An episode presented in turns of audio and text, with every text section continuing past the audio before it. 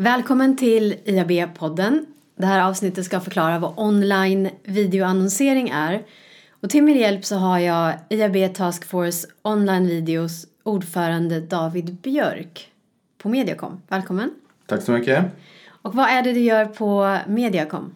Jag jobbar som account director på vår client lead-avdelning på Mediacom som enligt mig i alla fall är bland annat Sveriges bästa mediebyrå när det kommer till rörlig ljud på alla plattformar. Bra, då känns det som att du är absolut rätt person att prata online videoannonsering med oss. Online video har under de senaste åren varit en av de snabbast växande kategorierna både på den svenska och europeiska annonsmarknaden. Vad tror du att det beror på? Alltså en av de stora anledningarna till varför online video så mycket det kan ju förklaras med att annonsörerna följer sina konsumenter. När konsumenterna går till nya plattformar då följer annonsörerna efter för att man ska kunna nå dem. Och idag konsumerar man ju mer och mer rörligt på alla plattformar. Och det är ju under den traditionella primetimen men också på tider som man tidigare kanske inte konsumerade så mycket rörlig bild och det kan ju vara på, på, det på bussen, det kan vara på tunnelbanan, till och från jobbet, till träningen och så vidare. Och därför producerar man ju mer och mer rörligt innehåll som konsumeras och det är fler och fler som distribuerar innehåll för rörlig bild och ljud. Och sen videon har ju en förmåga att skapa en väldigt bra effekt på olika, olika varumärkesvärden. Det kan vara reklamerinran, det kan vara köpintention och det har ju alltid efterfrågats av annonsörerna. Med rörlig bild, pratar vi, pratar vi små gulliga klipp på Facebook med katter eh, och pratar vi långa YouTube-klipp eller vad, vad skulle du definiera är rörlig bild? Alltså rörlig bild och ljud, det är ju ett väldigt brett begrepp. Det är ju allt från eh, instream med både långa och korta klipp men också outstream där det är i princip en reklamfilm som, eh, som spelas utan ett innehåll bakom. Mm. Så online video det är ju otroligt brett och det växer otroligt mycket. Dels i konsumtion. Man har aldrig konsumerat så här mycket rörlig bild och ljud på alla plattformar som man gör här och nu. Och det har aldrig investerats så mycket pengar i rörlig bild och ljud som det görs just mm. nu. Och var konsumeras, var konsumeras den mest? Alltså, man kan ju säga att den plattformen som växer mest det är ju mobiltelefonen. Och det har ju med det här tittandet som jag pratade om tidigare, att man eh, konsumerar rörlig bild och ljud på, på eh, platser och tider som man traditionellt inte har eh, konsumerat. Och till och från skolan, jobbet, träningen och så vidare. Och sen så är det så här med mobiltelefonen, eh, någonting som spelar mycket roll också det är att skärmen har blivit mycket större. Så att nu för tiden får man ju en mycket bättre upplevelse på mobilen. Mm. Men kan man nå ut med video till en viss målgrupp? Med en videoannonsering, alltså inte bara video? Absolut, det finns ju jättemånga sätt att styra när man annonserar med rörlig bild och ljud. Och det kan ju vara allt från att man ligger på sajter där man vet att man har en väldigt hög affinitet, alltså en målgrupp eh, befinner sig på den, på den sajten eller på den plattformen. Men det kan också vara att man använder olika typer av datastyrningar och det kan vara allt från demografi, det kan vara intressen, det kan vara olika, olika beteenden. Så det kan man absolut göra. Mm. Så det finns programmatic för videoannonsering också? Det finns absolut och det växer mer och mer hela, hela tiden. Mm. Vilka är de vanligaste betalningsmetoderna för online-video då? Vad finns det för sätt om man köper en annons? Alltså det vanligaste sättet som man betalar med det är ju det här CPM, kost per mil kostnad för tusental kontakter. Det är mm. fortfarande det vanligaste. Men det finns ju också CPV-lösningar som är cost per view där man betalar när man har sett antingen en viss del utav sin reklamfilm eller hela reklamfilmen. Och sen finns det andra CPA-modeller där man betalar för en action utav något slag. Men den absolut vanligaste det är CPM men och därefter CPV skulle jag säga. Mm. Så hur möter man effekten av annonseringen? Alltså först måste man ju definiera vilken effekt man vill uppnå med sin kampanj. Och sen är det viktigt, viktigt att sätta tydliga mål eller KPIer. Alltså syftet med en kampanj det kan ju exempelvis vara att man kanske vill lansera eller stärka ett varumärke. Det kan ju vara att man vill driva trafik eller skapa försäljning eller helt enkelt eh, engagera och skapa snackis. Men eh, förenklat brukar man säga att det finns två typer av mätningar. Och det är dels hårda mätningar men också mjuka mätningar för att man ska säkerställa sin kampanj. Mm. Kan du förklara vad, vad är ett hårt och vad är ett mjukt värde? Alltså man kan säga att ett hårt värde det är lite som ett kvitto på att man har fått de visningar som man har köpt. Men det kan också vara att man, att man tittar på, är det någon som haft möjlighet att faktiskt se ens, ens reklamfilm? Och det kan också vara att, ja, men hur många har klickat på den? Men också att man, man mäter om man har drivit försäljning. Men i grund och botten så är det att man tittar på som ett kvitto. Mm. Och de mjuka värdena då? De mjuka värdena, det är mer om man har förändrat sitt varumärke med reklam, erinran, observation. Det kan vara avsända koppling eller helt enkelt att man tittar på, är det någon som har blivit mer intresserad på att köpa ens produkt efter man har sett eh, den här reklamfilmen. Mm. Men de, de här hårda värdena, de blir inte lika meningsfulla utan att man har mått på de här mjuka värdena. Mm. Så det handlar i korthet om att säkerställa så att annonsören har fått det man har köpt och huruvida det har hänt någonting med, med ens varumärke.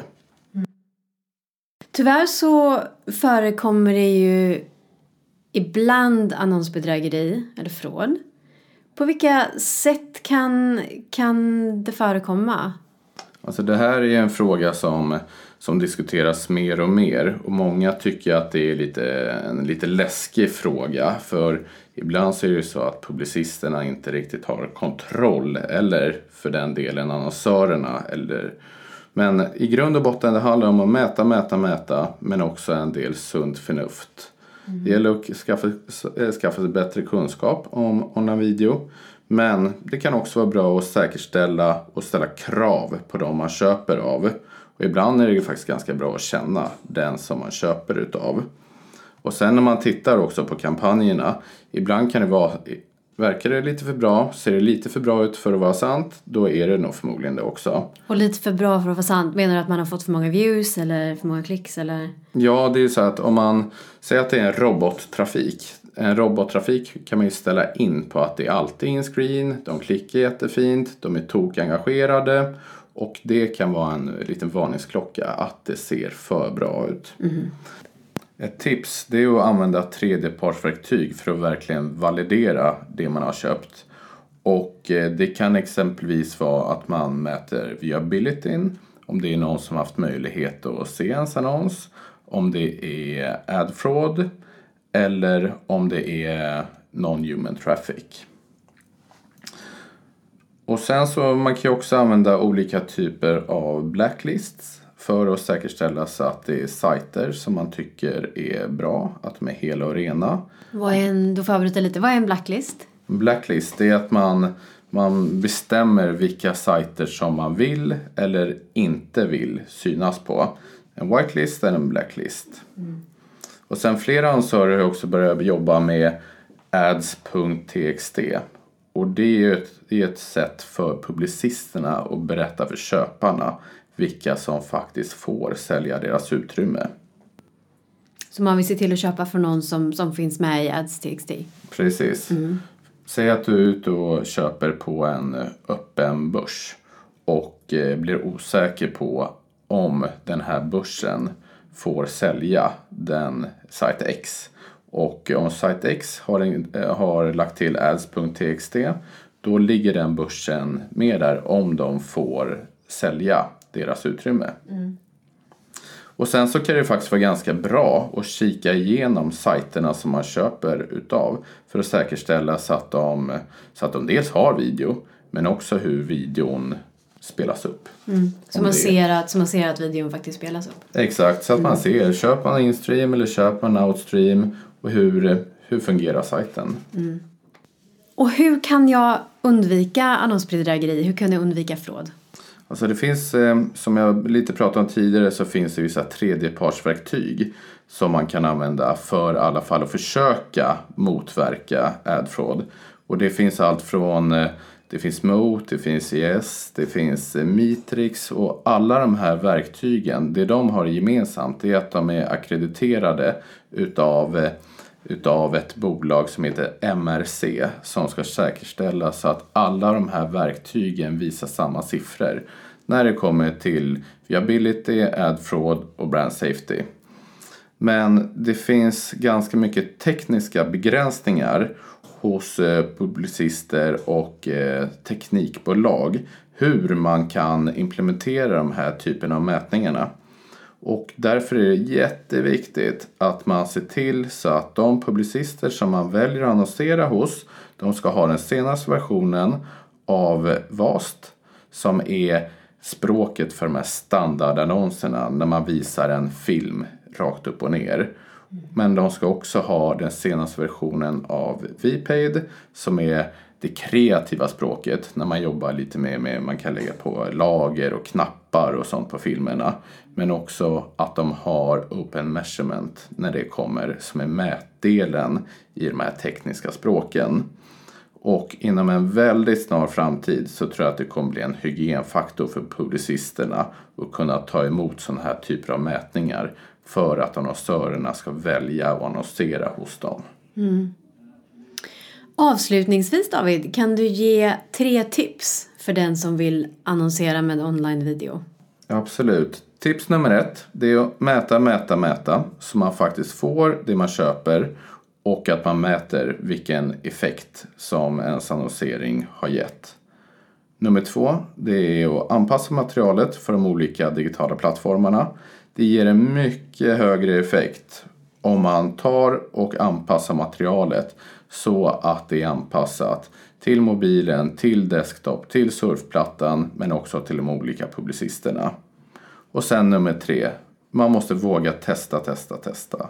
Utan att testa så kommer man inte komma vidare i sin annonsering med online video. 2017 så producerade IAB Task Force Online Video en serie med korta filmer om just online video. Och du hittar de här filmerna på vår hemsida och du hittar dem på Youtube. Tack så mycket för att du ville vara med i IAB-podden David. Tack så mycket för att jag fick vara med.